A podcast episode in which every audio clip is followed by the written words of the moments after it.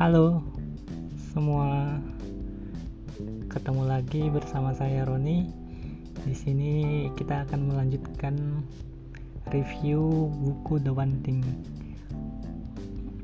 Nah, kita sekarang ada di bab kedua, itu The Truth, The Simple Path to Productivity. Nah, jadi kan kita kemarin udah bahas nih ada beberapa hal yang pemahaman kita mungkin salah. Ada enam yang kemarin the lies-nya itu ada everything matters equally. Itu yang kesalahpahaman yang selama ini kita mungkin pahami. Multitasking a disciplined life willpower is always on will call a balanced life dan yang terakhir big is bad. Jadi enam hal yang kemarin kita udah bahas itu adalah hal yang mungkin salah kita pahami selama ini sehingga membuat kita uh, jauh nih dari kebenaran atau kesuksesan. Nah ini pembukaannya nih the truth. Simple path to productivity. Nah jadi dia cerita nih si penulisnya kalau uh, selama dia bekerja atau memulai karirnya dia memikirkan kalau semua hal itu matters equally semua hal itu sama pentingnya. Jadi dia melakukan semua hal atau task, duty, tugas-tugas itu dilakukan semua itu digarapnya semua dalam satu waktu. Nah akhirnya dia mulai frustasi karena melakukan banyak hal atau task yang begitu banyak itu pasti sangat-sangat butuh effort ya butuh tenaga. Nah itu membuat dia frustasi karena nggak bisa mencapai hasil yang maksimal. Kalau makin banyak tugas kita ya pasti kita cuma bisa mengerjakan dengan sedikit-sedikit atau ya biasa-biasa aja gitu kan ya. Sama kayak misalnya kita memfokuskan kaca pembesar diberi sinar matahari itu kan fokus dia ya titiknya titiknya itu fokus sehingga bisa membakar kertas tuh dari sinar matahari. Karena fokus pada satu titik. Sedangkan kalau misalnya kita uh, pasang cermin uh, kaca yang datar nah itu kan dia sinar matahari gimana pun nggak akan bisa membakar kertasnya karena dia nggak fokus. Nah sama. Kalau dia itu awal-awal berpikir kalau semua hal itu matters equally sehingga dia frustasi mulai mem mulai meragukan akan kedisiplinan dirinya sendiri sehingga kehidupannya juga mulai nggak seimbang gitu ya.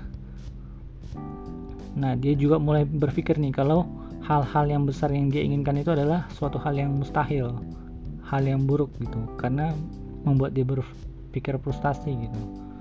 Karena sulit mencapainya akhirnya dia mulai down nih down. Akhirnya dia juga nih mulai berpikir apa sih yang seharusnya saya lakukan? Gitu. Ada sugesti-sugesti atau nasihat-nasihat orang-orang yang bilang kalau kita ingin sukses kita harus memulainya gitu. Mengikuti gaya-gayanya gaya hidupnya.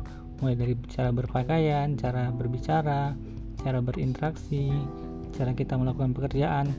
Nah dia sampai bangun sebelum matahari terbit berangkat juga sampai ke kantor itu masih mataharinya masih belum muncul nih belum terbit.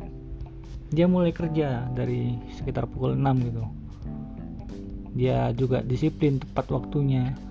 Jam 7.30 nggak boleh ada lagi uh, staff-staffnya yang ikut join meeting. Jadi dia mengikuti segala nasihat-nasihat yang diberikan orang-orang itu. Semuanya itu diikutin ya. Jadi sampai dia mulai kecapean nih mengikuti semua nasihat orang-orang itu. Capek akan bermain seolah-olah kita itu adalah seorang yang sukses gitu. Ya memang sih mereka, eh, dia sedikitnya mendapatkan rasanya itu rasa kesuksesannya.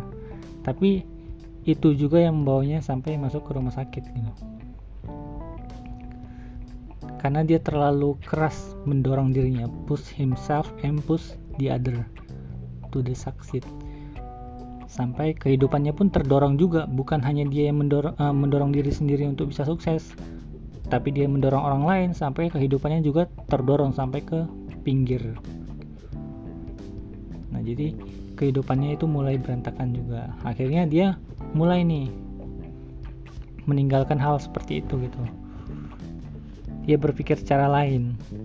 Dia pikir uh, dia memulainya dengan tidak terlalu terkekang dalam uh, kegiatannya waktunya dia mulai santai nih mulai santai dan menikmati setiap prosesnya.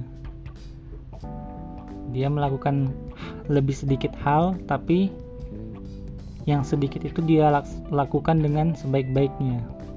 Dia mulai menikmati sarapan paginya dengan keluarganya. Hmm, ada waktu untuk olahraga untuk spiritualnya menjaga komunikasi dengan staf kerjanya rekan kerjanya. Uh, lebih santai dalam berpenampilan.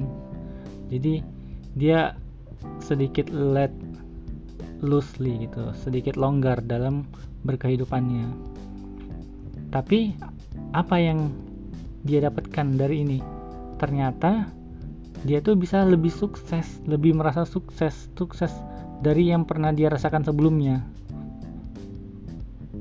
jadi uh, apa yang dia pahami dari kedua hal itu adalah kadang orang-orang itu terlalu overthinking gitu terlalu banyak berpikir terlalu banyak membuat planning atau rencana terlalu banyak menganalisis bisnisnya kehidupannya karirnya semuanya itu terlalu overthinking lah gitu ya. Padahal seharusnya ya yang dia udah alami kesuksesannya itu yang besar itu tadi dia laksanakan dengan ya tadi yang longgar tadi lebih loosely dalam menjalani hidup-hidupnya.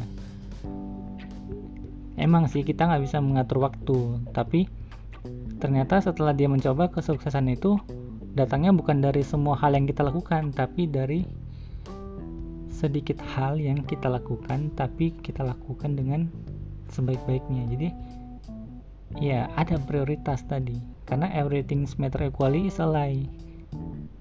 Gak mungkin semua hal itu punya prioritas yang sama. Hanya ada beberapa aja. Nah yang beberapa itulah yang kita lakukan dengan sebaik-baiknya. Doing well on handful things. Nah, jadi dia sampailah pada kesimpulan kalau being appropriate in the moments of your life. Jadi kita itu pada waktu-waktu momen-momen tertentu dalam hidup kita, kita siap melaksanakannya gitu. Jadi uh,